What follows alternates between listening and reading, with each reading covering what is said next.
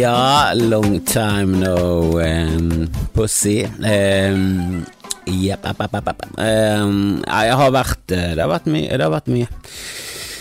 Det har vært mye, og jeg har vært eh, litt uh, slæten.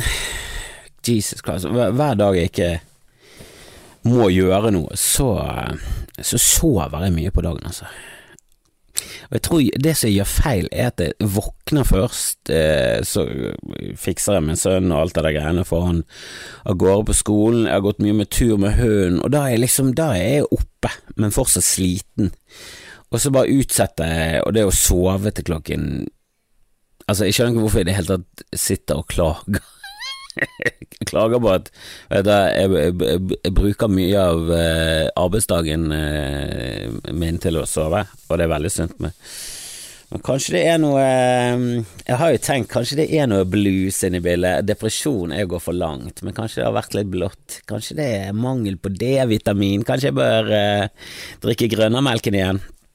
Ehm, men noe har det vært, for jeg føler meg ikke helt i toppslag. Og jeg fikk ikke ut noen episode forrige uke, sorry, og jeg fikk ikke ut noe på torsdag. For det, det har rett og slett ikke vært um, noe overskuddsenergi. Og greit nok, jeg var borte i helgen. Jeg var borte i helgen. Jeg kunne Jeg kunne spilt inn uh, podkast, altså tidsmessig hadde det gått an, men jeg sprakk. Jeg sprakk på boikotten. Jeg sprakk så til de grader, for jeg var alene i Førde, og jeg vet ikke om jeg noen gang har vært i Førde, og jeg vet ikke om noen gang har vært alene i Førde, for hvis du hadde vært i Førde med sammen med folk, ganske kjipt i Førde, har du vært i Førde alene, herregud, Jeg blir ikke, blir ikke kjipere.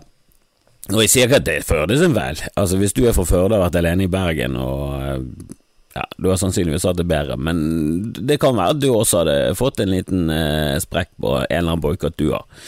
For jeg tenkte, jeg er alene på et hotellrom, jeg skal ha show eh, Jeg skal ha show klokken syv og klokken ni, og det går vi hjem.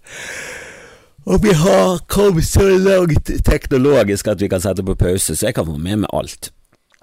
Og så bare bestemte jeg for at fuck it, jeg orker ikke Jeg, orker, jeg, må, jeg må, se litt fotball. Jeg har ikke sett fotball på en måned. Å, herregud, så gøy. Å, så gøy det var. Og jeg, jeg sprakk så til grader.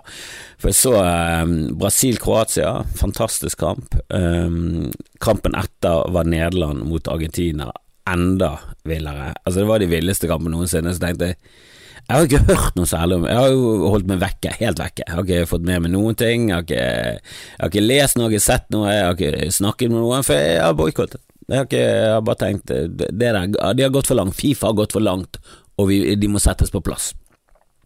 Og det er mange grunner til å boikotte, og mye hykleri, selvfølgelig. Og jeg er helt enig. Selvfølgelig er det hyklerisk eh, å boikotte noen land fremfor andre alle land er like jævlige, og vi burde boikottet eh, alle mesterskap. For å være helt ærlig, alt er sportsvasking. Eh, altså Sportsvasking er et nytt ord, men det har blitt gjort gjennom alle tider. Hvorfor tror du Hvorfor tror du eh, OL i 1936 var i Berlin? Hvis ikke det skulle sportsvaske hele jødehatet til hele Hitler. Greit nok, på den tiden var jødehat ganske poppis over hele verden. Det var, det var først når eh, ja, det var først når folk skjønte at uh, det gikk litt langt, at, uh, at de, de, begynte å, um, å, roe seg på det jødehatet, som av en eller annen merkelig grunn gjør et comeback. Og jeg vet at sånn moter er syklisk, og det kommer tilbake igjen, og plutselig så går uh, ungdom rundt med slengbukser igjen, men jødehat, altså, Jesus Christ! Ta nå heller og kjøp en turtleneck eller en eh, paljettjakke enn å hate jøder. Det er det, Altså, har du sett gamle bilder av det selv der du har på deg noe feil? Der det er sånn å, Jeg husker en gang jeg hadde sånn hiphop-lugg, hadde skinnet meg, og så hadde jeg bare lugg. Bare lugg som jeg var altfor lite forfengelig til å liksom fjonge opp i en hiphop-fasong. Så hadde jo bare en Det så så dust ut. Um, og når du ser bilder, så er det sånn oh, jeg går, jeg, Bilder der jeg går med sånn halstørkle, sånn skikkelig sånn fana, halstørkle i halsen, og jeg har hatt langt hår og Nei, det har vært mye gale sånne motegreier, men Men det må være litt verre å se på sånn bilde av deg selv for sånn 20 år siden, og så står du i full nazisalutt med et hakekors i pannen. Det er verre. Det er mye, det er mye dårligere ting å ha vært inni. Åh. Men ja, ja eh, Qatar er ille, og det er lett å boikotte, for det er et lite land egentlig ingen har hørt noe særlig om. Det eneste du har hørt om Qatar, eneste de har tilbudt Berg, eh, verden, er olje, eh, dårlig behandling av eh, medmennesker, migrantarbeidere, og et enormt homse- og kvinnehat.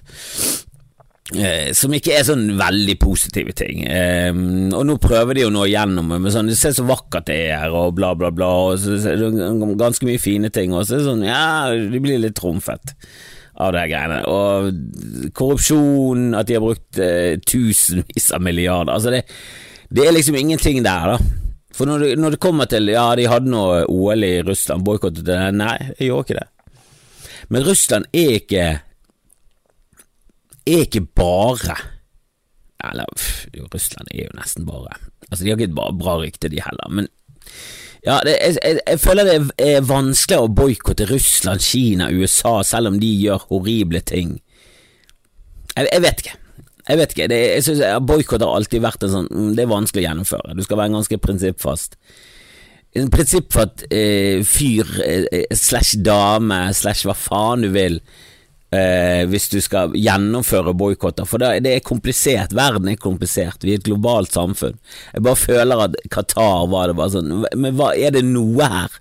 For i Russland så er det noe. Russland er et stort land, det er både Asia og Europa, en, der, der, kan vi snakke om en, eh, om, en, om at vi kan nå ut til folk, det samme med, med Kina. Men samtidig, Qatar, arabiske verden, ja, flott å få de med i fotballsammenheng òg.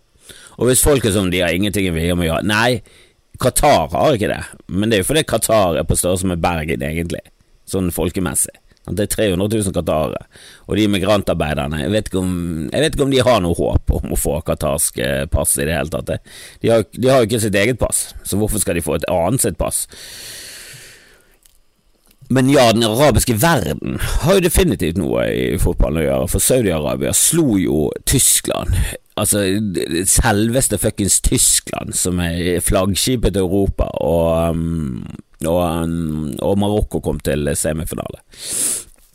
Spoiler alert, hvis du, hvis du har tenkt å gå på skikkelig dongesprekk og se liksom hele VM i ett frem til nå. Men det var det jeg gjorde. For etter eh, kampen med Argentina-Nederland, så var han Altså, det var, det, var, det var, så vilt at du aner det ikke. Til alle dere som boikotter, Jesus Christ, det dette har vært et sinnssykt bra mesterskap, visstnok.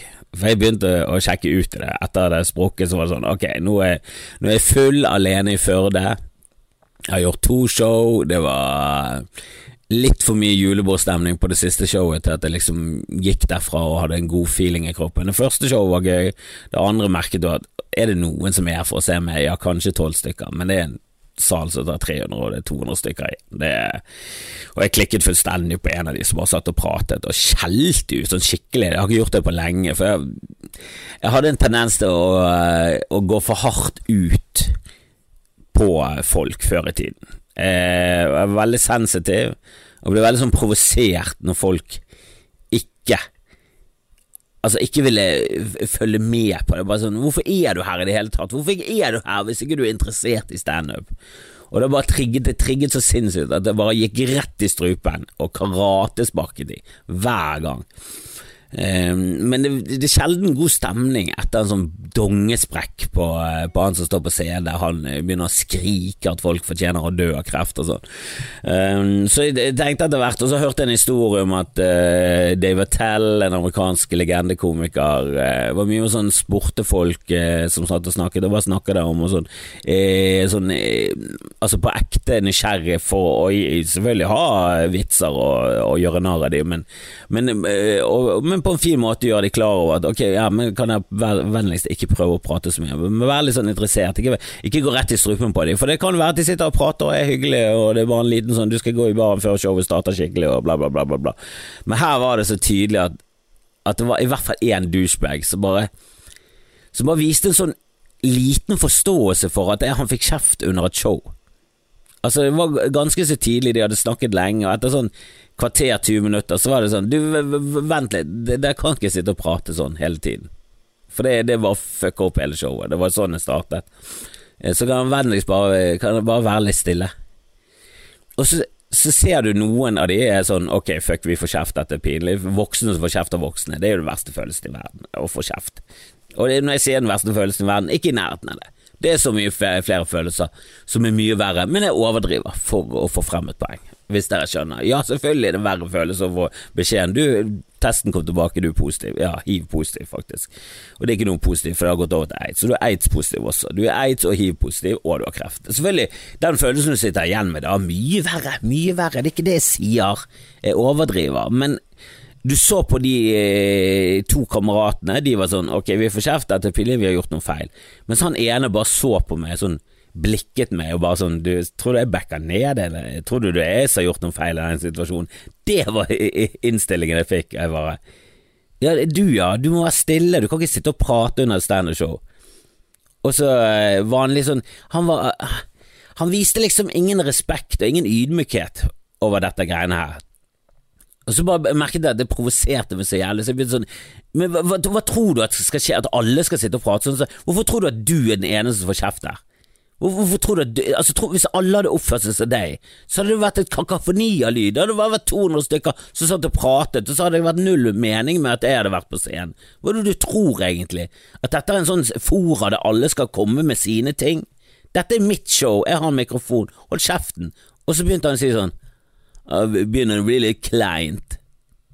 Og bare Og det, vet du, da klikket det fullstendig. Sånn, ja, men tror du det er kleint? Jeg trodde det er jeg som er en klein i denne situasjonen. Det nepetrynet, hva er du? Er du ordføreren i Førde sin sønn, eller noe sånt? Er det aldri noen som har snakket Hva skjelte han ut? Skulle gjerne hatt det på teip, faktisk. Skulle gjerne hatt det på teip, for det var en god utkjenning. Det ble en god utkjenning til, til slutt, for jeg holdt på i sikkert et halvt minutt i en tirade mot hele fyren som endte med at jeg fikk applaus fra publikum, og så holdt de kjeft resten av showet. Men det var litt sånn så må jeg gå inn igjen i showet. Det er vanskelig. Det er derfor jeg ikke liker å prate med publikum, for det er vanskelig å gå inn igjen i materialet. Og den eneste grunnen til at jeg står på en fuckings scene, den eneste grunnen til at jeg gjør dette greiene her, er at jeg har lyst til å få ut mine meninger. Jeg synes jeg har et gøyt perspektiv på livet, jeg synes jeg har interessante tanker, og jeg har lyst til å få disse ut. Og jeg mener standup er en ypperlig måte, for det er en ypperlig måte, for jeg er ikke en veldig seriøs person som setter meg dypt inn i ting. Så jeg kan ikke, jeg kan ikke komme med sånne store tanker om hva som skjer med verden hvis artificial intelligence tar over. Men jeg kan komme med noen fjasete utspill på en scene som kanskje kan få, eh, få noen tanker i hodet til andre. Jeg synes, jeg, men jeg synes først og fremst det er gøy å få andre til å le. Og ikke kom her og fuck opp mitt show. Den jævla ordførersønnen. Han hadde den feelingen. Han var en douchebag. Han var en onde i en high school-film. Jeg hatet han. Jeg hater han fortsatt, og jeg ser det for meg uklart i mørket der. Og jeg har lyst til å karatesparke han med begge beina mine rett inn i en flykick. Rett i strupen på han. Fy faen. Så jeg hater sånne folk, og det mener jeg seriøst. Sånne folk fortjener vi ikke. Vi som mennesker fortjener ikke andre mennesker som er så lite hensynsfulle. Det gjør vi ikke og vi vil helst Altså, jøder og jødehat og konsentrasjonsleir Ta nå irriterende folk, ikke folkegrupper. Ja da, selvfølgelig finnes det irriterende jøder. Det finnes irriterende somalier, irriterende nordmenn, svensker, islendere. Det finnes fuckings irriterende folk på Nordpolen. Men det har jo ingenting med saken å gjøre. Alle som går på Nordpolen er jo ikke irriterende. Vi tar de som er irriterende, og så lar vi resten leve. Ja, luk ut 14 jøder, 15 somaliere, 4 pakistanere og 8 svensker, og skyt de i trynet. Hvorfor? Fordi de snakket under standup-show. Det er en uh, fuckings alvorlig ting. Og for ikke snakke om uh, å begynne uh, med folk i trafikken. Jeg er så lei av folk som ikke klarer å vise hvor de skal kjøre. Det er fuckings irriterende for alle oss andre. Når du går inn i en rundkjøring, vis hvor du skal. Hvis du skal bare ut igjen av med en gang, så blink ut med en gang. Hvis du skal kjøre rundt hele rundkjøringen eller rundt halve, over halve, så blink at du skal faktisk ganske langt i den rundkjøringen, og så blinker du ut. Og blink hver jævla fuckings gang du skal noe i trafikken, ditt møkkatryne. Og ikke kom her med at det er bare sånn menn i Tesla'. Det er ikke det. Det er kvinner, menn, det er alle. Stinker hele gjengen. Jeg vil påstå at kvinner kanskje blinker mindre enn menn. Fy faen, jeg er så lei av det. Oh, når vi er inne på trafikk eh, Jeg var i Førde eh, alene, stusslig. Så skulle jeg til Eidfjord møte Knut Høybråten, aka fotballagenten, som er blitt ny, eh, ny mann i ballspark, som seg hør og bør, etter at eh, godeste Doddo ble kulturbyråd. Altså, Doddo sitter med makt i Bergen. Det er så herlig at jeg har hatt han på, på Skamfrelst og faktisk eh, kjenner han litt. Eh, så kanskje, kanskje standup eh, blir prioritert på et eller annet budsjett i fremtiden. Kanskje, kanskje. Hvis det er noen som bør få det til, så er det Doddo, og, jeg tror ikke han kommer til å løfte en finger. For han driver jo egentlig med standup, han driver mest med musikk. Så det blir vel mer penger til musikken i Bergen. De fortjener jo De fortjener alt, det er ikke det. Jeg bare syns standup kunne fått en liten chunk. Siden vi tross alt har produsert 34 000 kjendiser i Norge, som håver inn milliarder av kroner. Kunne faen meg gitt noe tilbake igjen til vi som var der, og grasrotet de opp. Ja, jeg ser på deg, Stian Blipp og alle dere andre som sviktet oss og flyttet til Oslo. Fordi det er mye bedre å drive med underholdning der. Ja da, vi vet det, vi vet det, men helvete, ikke det gøy å bo i Bergen når det regner 280 dager i året, da? Svikere. Men ja, jeg var i Førde, eh, alene, eh, stusslig. Skulle møte Knut Høybråten, eh, som dere bør følge på Twitter og Instagram, ett fotballagenten. Nydelig fyr. Eh, han eh, hadde med seg familie, han hadde med seg en eh, kone og, og, barn og hele pakken, han, men jeg fikk jo ikke med meg døyten hjemmefra. De ville ikke bli med på de greiene der. Og de gjorde så rett i å ikke være med til Førde og Eidfjord. Herregud, det hadde vært en skandale. Skandale. Det hadde vært en skandale å ha med seg familien. Greit nok, jeg hadde klart å opprettholde boikotten, men, eh, men, det hadde ikke vært verdt det. Ingen hadde likt det. hadde et, det hadde vært et stress fra helvete. For det, det, er ganske styrete å kjøre rundt på Vestlandet når det er fuckings eh, vintervær. Og ja da, det gir julestemning å se at det er masse snø i trærne, og det er kaldt. Det er liksom det jul, det er det det skal være på jul, jul og, og, opp mot jul er viktig for å få stemningen. Men samtidig, hvor mange dør? Hvor mange dør for at vi skal få julestemning? Det lurer jeg på. Og hvor mange er det verdt for oss? Altså, alle vil jo ha julestemning, og hvit jul på julaften, ja, hvis du er fra Lillehammer-OL, sikkert hvert år. Eh, altså Lillehammer-OL mente bare Lillehammer. det var synonym. Det er det alt jeg har kjent for eh, Lillehammer. Det er OL-et. Altså, hvordan, Hva gjør dere ellers på i Lillehammer? Hva er det noensinne gjort på i Lillehammer utenom det OL-et? Jeg vet ikke, jeg vet ikke hva Lillehammer noensinne har gjort, det, men eh, jeg vet at de hadde OL. Men uansett, det er jo gode snøforhold, og det er indre Østlandet, og de har vel fuckings hvit jul hvert år. Har det noen gang vært en, en, en fargeløs jul i, i Lillehammer? Har det det? Har noen gang vært en mørk jul i Lillehammer de siste 40 årene? For de siste 45 årene så har det kanskje vært hvit jul i Bergen to ganger. Jeg, jeg tipper to ganger. Og i år ser det ut som vi kanskje skal klare det, selv om det er meldt masse regn, men altså værmeldingene spriker jo ekstremt. Jeg bruker veldig ofte pent.no for å sjekke været. Der får du Storm og Yr sine værmeldinger fremover. Og eh, på julaften som eh, Storm meldt minus ti på julaften, Yr tre grader og regn. Så jeg vet ikke om de er sikre. Jeg vet ikke om de er 100% sikre i prognosene sine. Og når du vet at de ofte sliter med å, å spå været som er, så, så, kanskje vi skal bare legge meteorologene på hyllen til de kan, kan, kan faget sitt litt bedre. Skal vi gjøre det? Det er av og til jeg bare føler at du meteorologer, dere har prøvd veldig lenge, og ja, ære være dere, men eh, kan jeg gå litt i tenkeboksen og komme tilbake med noen nye formler, for det, eh, dere stinker? Eh, jo, stinker.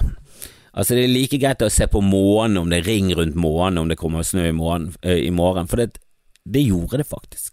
Det var ring rundt eh, månen. En jeg følger på Instagram, la det ut. Jeg kjenner han personlig òg, men jeg følger han på Instagram, og det er veldig sendende han sender meg månebilder, men av og til legger han ut på Instagram. Og det var en ring rundt han, så skrev han det kommer til å snø i morgen. Boom! Det var så mye snø i morgen. Meteorologene, fuck off, ring rundt månen, yeah! Men eh, nok digresjoner her. Jeg skulle snakke om egentlig turen min fra Førde til Eidfjord, som eh, ifølge Google Maps var en liten svippertur på um, Ja, hva, hva sa han da? var det rundt tre-fire timer, fire, litt over fire timer. Um, så det tok lengre tid å liksom kjøre tilbake til Bergen, og så kjøre til Eidfjord. Så tenkte jeg vet du hva, jeg kjører direkte fra Førde. Og i mitt hode opprinnelig så lå jo Førde veldig nærmt Eidfjord. Altså Det var jo bare sånn Jeg kjører fra Bergen opp til Førde, så skal jeg til Eidfjord, og det ligger på veien, nesten. Altså Det er jo, det er jo liksom Altså Førde-Eidfjord, det er jo den velkjente ruten som du tar når du Altså Enten så kjører du til Bergen direkte, eller så kjører du via Eidfjord fra Førde, for det er så nærmt. Men det, det er jo ikke det i det hele tatt. Og den veien eh, som ble vist på Google Maps, den viste også min, eh, min uh, veiviser i bilen, en sånn navigasjonsgreie der. Og det, og, og prøve å si Eidfjord, og få den stemmen til å skjønne at jeg mente Eidfjord. Herre min hatt og Jesus Kristus og Allah og Buddha og hele forbanna gjengen, det var jo totalt umulig. Altså, jeg sto, jeg, jeg sa Eidfjord, kom det opp Tenfjord, og så bare nei, nei, nei, så jeg slettet det, og bare sånn Eidfjord, kom det opp bare Fjord. Bare sånn, Jeg sa noe før, ok. Og så sa jeg det så mange ganger, på så mange forskjellige Jeg prøvde på flere forskjellige dialekter. Og det verste forslaget jeg fikk tilbake, var jeg sa Eidfjord, og så sto det Per Inge Torkelsen. Jeg kødda ikke engang. Og da bestemte jeg meg for å filme mens jeg sa det, for å se de her dumme forslagene. Dessverre kom aldri Per Inge Torkelsen opp igjen. Men jeg fikk faen meg opp Per Inge Torkelsen på Eidfjord. Og hvem er det som sitter og programmerer disse her eh, Siri de der. Hvem er det som holder på med dette her? For det er jo tydelig at, at det, amerikanske språket, så er det 99% bingo. Eh, altså 99% til bingo, altså positivt. Det, det er fuckings spot on. Men norsk Jesus Jeg snakker med det navigasjonssystemet mitt opptil flere ganger, og jeg har gitt opp kanskje 60 av dem. Det er bare sånn Ja, da må jeg bruke Google Maps, da. Da må jeg ha eh, Google Maps gående på min telefon, som sender beskjeder inn til bilen min, som da eh, får en sånn stemme som hele tiden sier 'Neste rundkjøring, ta andre avgang om 500 meter', og så sier han igjen når du er i rundkjøringen. Når du kjører ut av rundkjøringen, så sier han det. Det er veldig stressende å ha en sånn kvinnemenneske som maser i trynet på det hele tiden, og sier plutselig sånn Hvis du kjører feil, så sier han plutselig 'ta eh, og kjør til sørvest' og begynner med sånne himmelretninger. Det er et mareritt, så jeg vil heller ha det på navigasjon på bilen, for da kan jeg se det på kartet. Der bare følger jeg en rute, liksom. Men uansett, begge to eh, Jeg, jeg fikk til slutt bare at ok, da bare sier jeg til Voss, da, og så tar jeg det derfra. Og Voss, det var enkelt, det skjønte hun med en gang under eh, stemmen i maskinen min. Så når jeg sier Voss, så kom det opp på kartet. Begge to viste den samme ruten, så jeg tenkte da, da tar jeg den ruten, da. Jeg gidder ikke å krangle med GPS. Jeg gidder ikke å krangle med kart og GPS. Jeg er ikke i en posisjon der jeg ekspertmessig er over Global Positioning Systems, satellitter fra rommet og god gammeldags kartteknologi.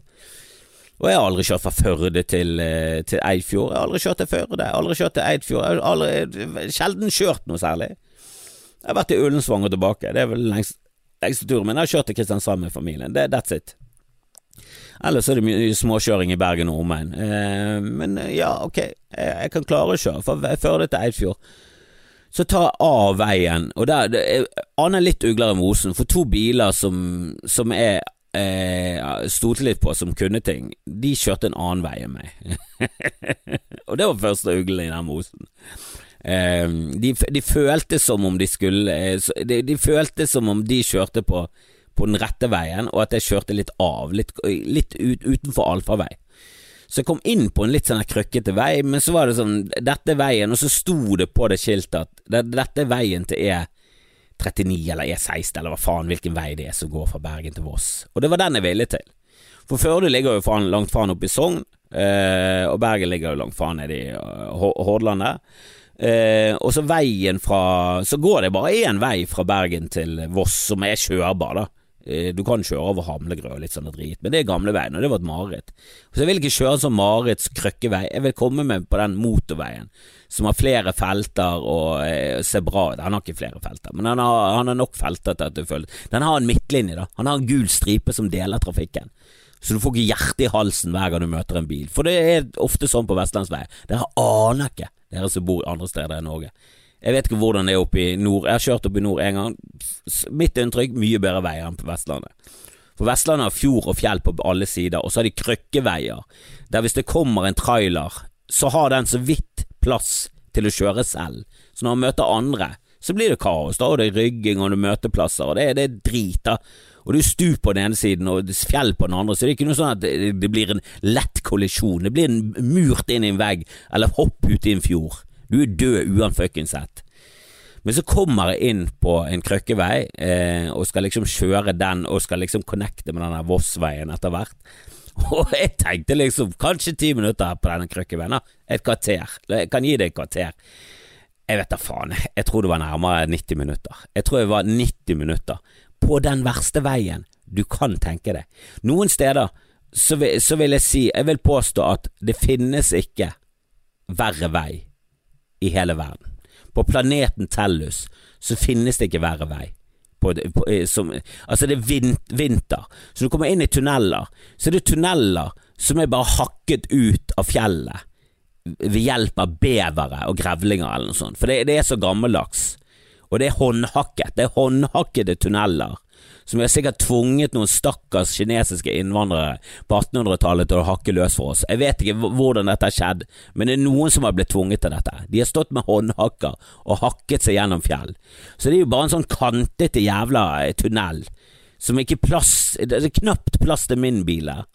Og det er ingen lys, det er ingen elektrisitet i nærheten av den tunnelen, så det henger jo svære klaser med istapper ned fra taket. Altså, jeg kjører jo rundt i en jævla skrekkfilm. Jeg var jo livredd. Og jeg, var så redd for at noen av de tappene skulle liksom falle ned der og da. Hvis det, Jeg kunne blitt spiddet på en istapp, og det hadde ikke vært urealistisk engang. Det hadde vært uflaks. Men folk har vært sånn Ja, men hvorfor kjører han her? Det er jo istapper. Selvfølgelig, det dør jo daglig folk her.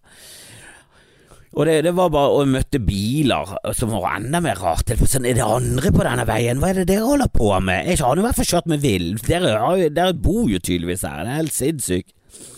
Og det var 90 minutter med et helvete. Og, og, det, og, det, var den veien jeg skulle på, for det tok den tiden det tok. Det var ikke sånn at det kom senere. Det var ikke sånn at det var en helt bortkjøring og jeg burde tatt en annen rute for det hadde gått mye fortere. Nei, nei, dette var det, det, det, var en av de beste veiene. Jeg nekter å tro at det var den beste. Jeg må ha gjort noe feil, men det, det var ikke hinsides all fornuft å kjøre der. Og når jeg kommer frem, og så sier jeg det til Knut Høybråten, eh, som jeg skal ha show med på Eidfjord, så sier jeg det at jeg har hatt et mareritt. Jeg har kjørt en eller annen jævla fuckings krøkkevei fra Førde, og det var stup på nedsiden. Jeg holdt på å dø flere ganger. Jeg holdt seriøst på å dø. Jeg hadde hjertet i halsen hver sving. Eh, og, og så sier han å, oh, har du kjørt den veien? Altså Bare med en gang, bare han visste hvilken vei det var. For jeg var sånn, ja Det var en sånn jævla drittvei som gikk fra Førde, og så kom jeg meg først inn i sivilisasjonen igjen med Bolstadøyri eh, som er på vei fra, fra, Bergen til Voss. Jeg kjenner til det stedet, liksom et sted du kjører forbi. Eh, Bolstøyri, eh, Baste Bolstad, gammel komiker. Jeg har lagt merke til det stedet der. Så jeg vet hvor jeg var. Når jeg kom der, så var det sånn Yes, sivilisasjon, nå vet jeg hvor jeg er igjen. Men før det så hadde jeg rotet meg rundt i, i bakevja på Osterøy og kjørt krøkkeveier fra 1800-tallet, og det, det, det, det ligger, ligger lik under den veien. Folk har mistet livet da de bygde den veien. De bygde den før Rallarveien, og det var flere som døde. Jeg er ganske sikker på. Herregud, for noe drit.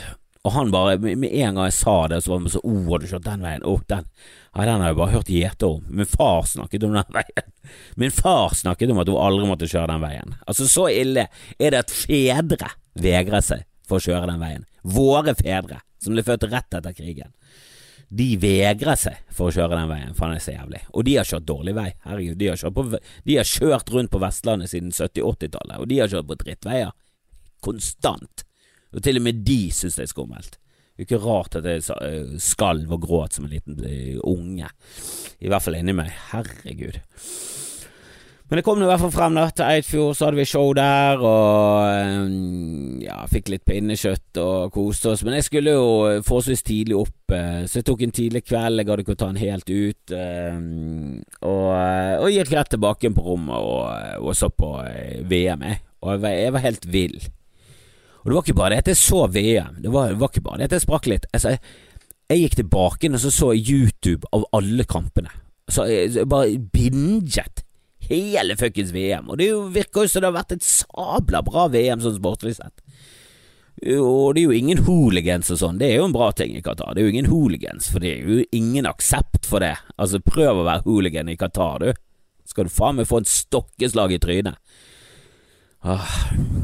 Og så er det, det er jo et eller annet med at jo da, jeg synes det er greit med rusmidler og sånn, men jeg er jo vokst opp i Norge, jeg vokste opp på Brann stadion, og det der med å blande alkohol og fotball og familie, sånn, det har aldri ligget naturlig for meg. Brann har alltid vært for meg sånn der jeg har gått sammen med familien min. Min far har jobbet og vært lege, så har jeg med min bror gått. Og det har aldri vært noe sånn naturlig for meg å sitte og pimpe løs på, på øl. Og så har vi en veldig dårlig øl, altså drikkekultur i Norge, så vi, vi drikker mest for å bli full. Så, så for oss så så er det sånn ja, de selger ikke eh, alkohol på tribunen, så sånn Nei, det går, det går helt greit. Det, det, det, har jeg faktisk forståelse for. Ja, jeg skjønner at det er voksne folk, og i, hvis du klarer det. Det Poenget er at ja, du kan klare det, men det er for mange som ikke klarer det. Det fører til masseslagsmål og, og vold. Og det, det, det, er ikke noen menneskerett å ha lov til å drikke øl på en stadion. Det føler jeg at det er veldig sånn viktig for menneskeheten. At vi er nødt ja, Herregud, vi skal se på andre gjøre sport edru. Da må vi være dritings. Helvete, vi skal hyle på dem.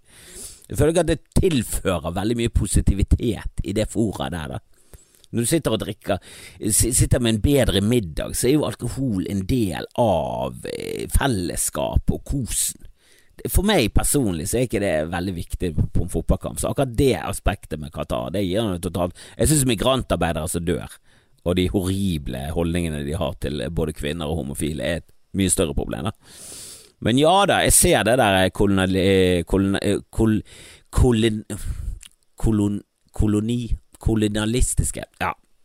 Jeg ser det at Vesten som kommer og kritiserer andre verdensdeler for hva de gjør og hva, hvilke holdninger de har, det er sånn Jeg vet ikke om det er den beste måten å, å forandre ting på. Jeg vet ikke. Jeg vet ikke. Jeg tror eh, Jeg vet ikke om boikott av Qatar-VM er liksom det er litt så rart at det er der folk setter streken. Det, liksom, det, har vært, det, har bygget seg opp over tid, det har vært for mye sportsvasking. Vi, vi, følger med på Premier League, og det begynner å bli mer og mer kvalmende at det kommer sinnssykt mye oljemilliarder inn der. Og du har oligarker eh, som har kjøpt det inn, og det, det, er en eh, amerikansk familie som eier United. Altså og de gjør kjipe ting. Altså det er sånn eh, det, det, det, det, føles på en måte som de ødelegger noe som vi har fulgt med på siden tidenes morgen, liksom.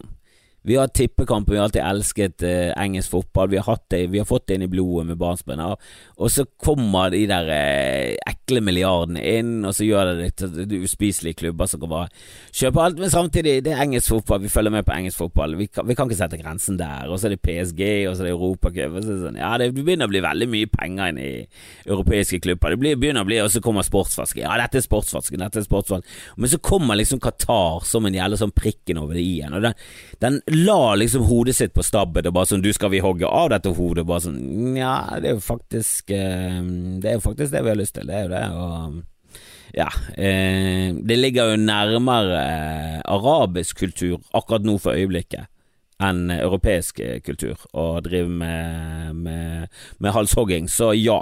Jeg tror vi rett og slett hogger av det hodet. Jeg føler at det var litt der, at det, bygget seg opp, det var sånn trykkoker, og så kom Qatar-VM, og så var det bare du, Det var liksom vinter på VM, du, korrupsjon fra ville helvete, du, et land som aldri har spilt i noen mesterskap før, har knapt nok sett en lærball, du, det var liksom så mye. Det var så enkelt.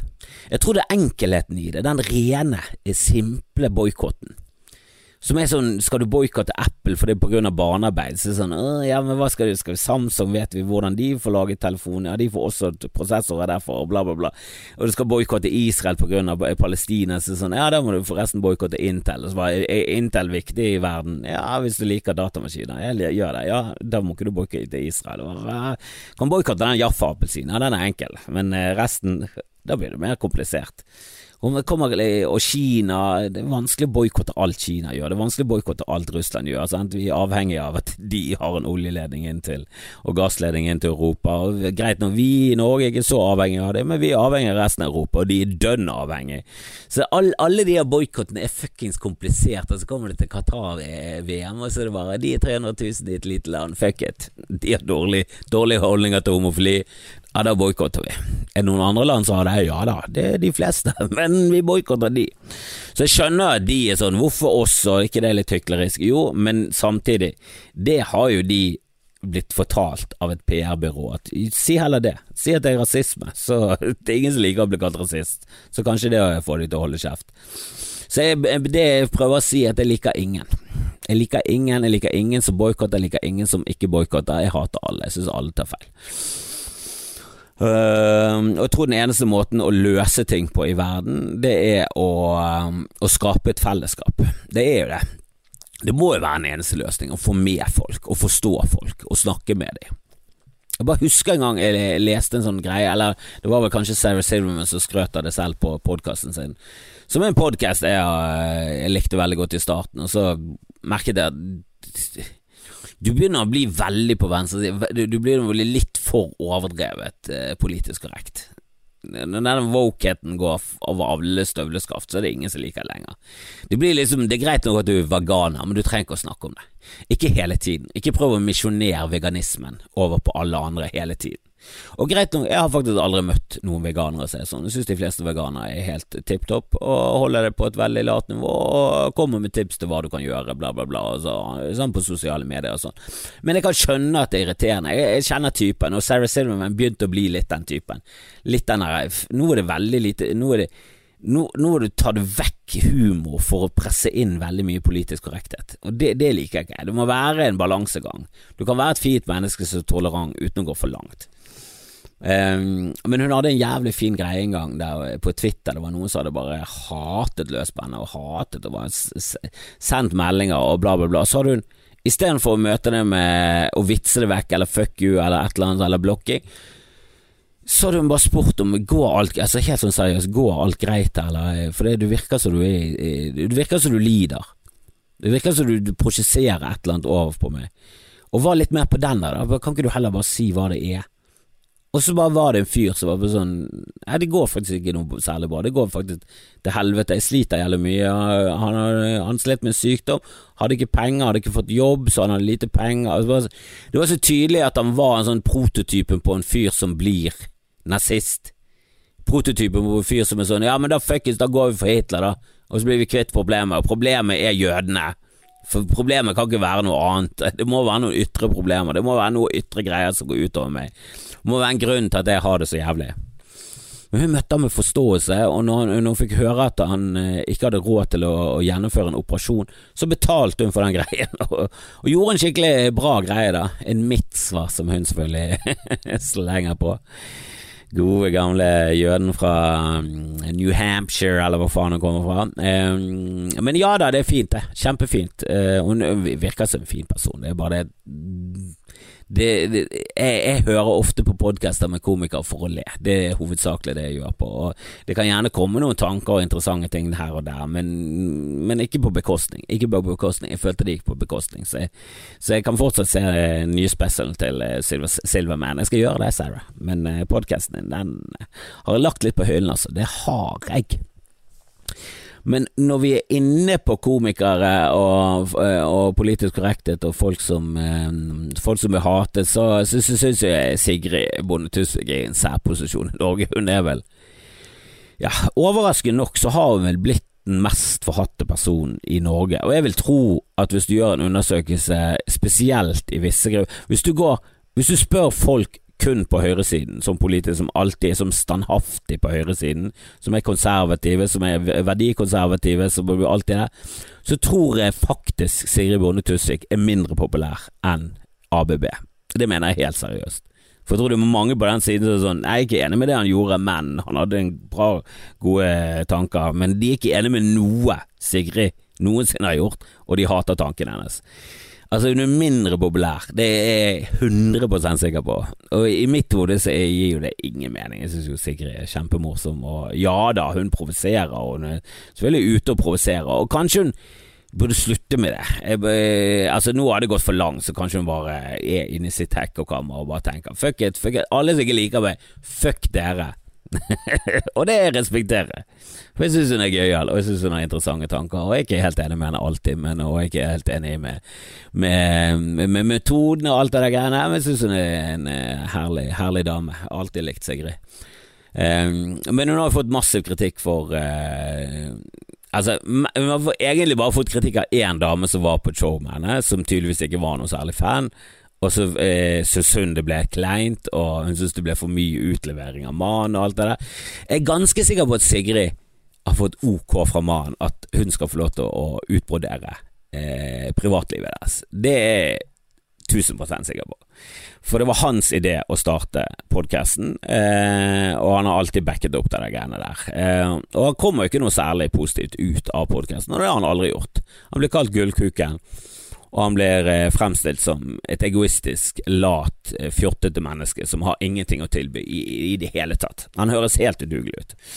Noe jeg ikke tror han er, for han jobber i, i VG, han har et bra nettverk og han virker som en, eh, egentlig en ganske gøyal fyr, men ja, udugelig på mange måter. Ja, ja, ja selvfølgelig. Eh, som, som mange menn ofte er. Vi er dårlige på mye.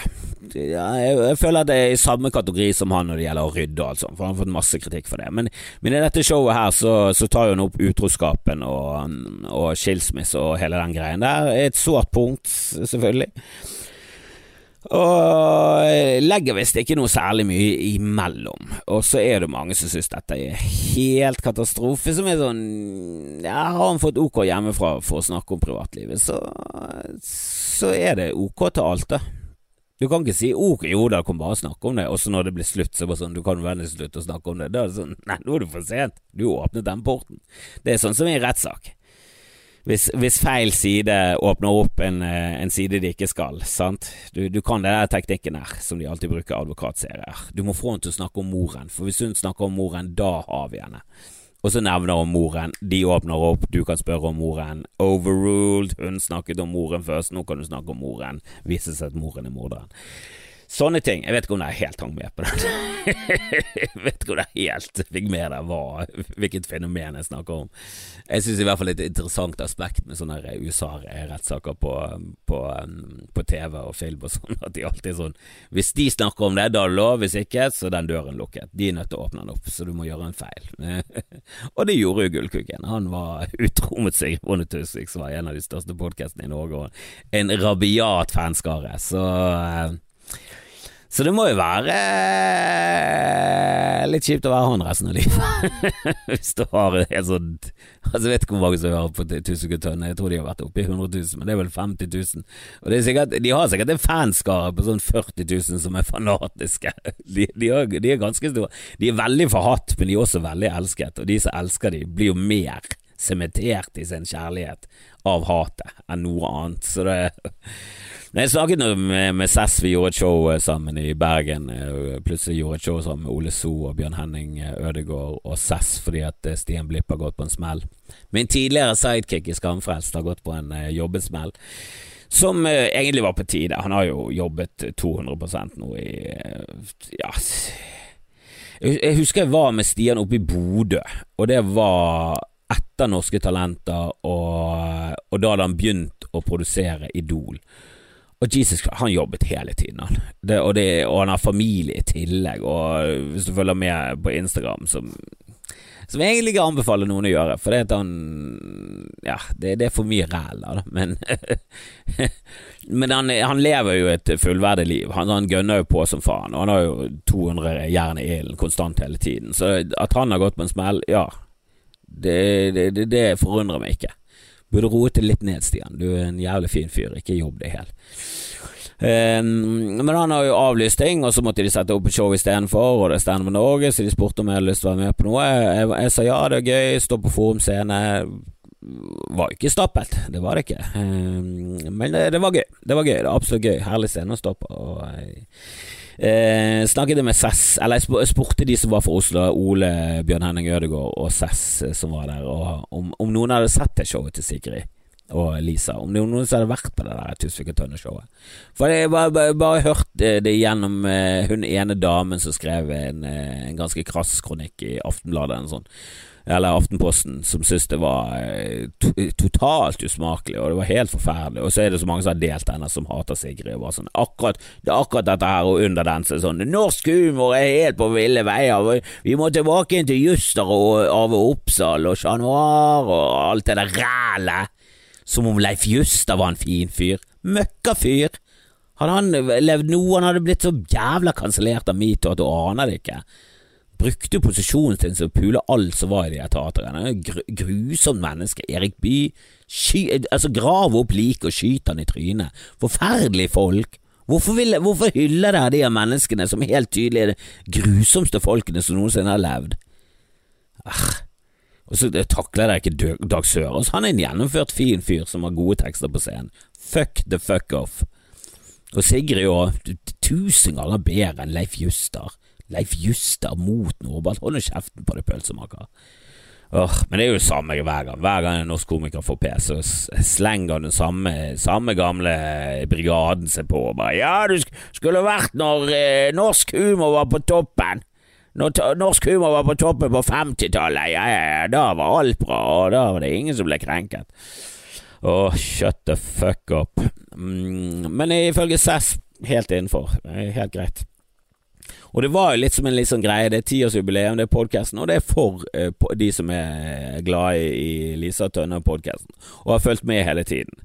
Og i den podkasten så er det uthenging av alle, og ikke minst Sigrid og Lisa. Det er jo de, de som blir hengt mest ut. Som seg hør og bør, selvfølgelig. Mm, men det er jo liksom konteksten, og det er ingen kamera, og dette blir ikke filmet.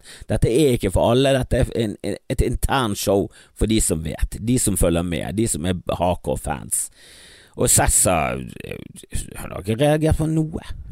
Eh, og selvfølgelig, hun er jo god venninne med Lisa, og er jo venninne med Sigrid, og er jo selvfølgelig ikke objektiv i dette greiene her, men eh, stemningen backstage, og når jeg snakker med de, så hadde de en helt annen oppfatning av det showet enn noen andre hadde, og vi er på innsiden. Og jeg føler at jeg hadde fått Jeg føler i hvert fall at Ola hadde vært sånn Jeg hørte faktisk at jeg hadde gått over streken. Jeg tror han hadde bare sagt det. Men de var bare sånn Nei, jeg skjønner ikke, jeg skjønner ikke noe av den kritikken i det hele tatt. Men det, det henger jo sammen. Lisa Tønne, Sigrid Bonde Tusvik, kritikk. Jesus Christ, det er jo som magneter for hverandre. Men greien for at jeg tok dette opp, var jo at Sigrid er jo veldig utleverende på, på scenen.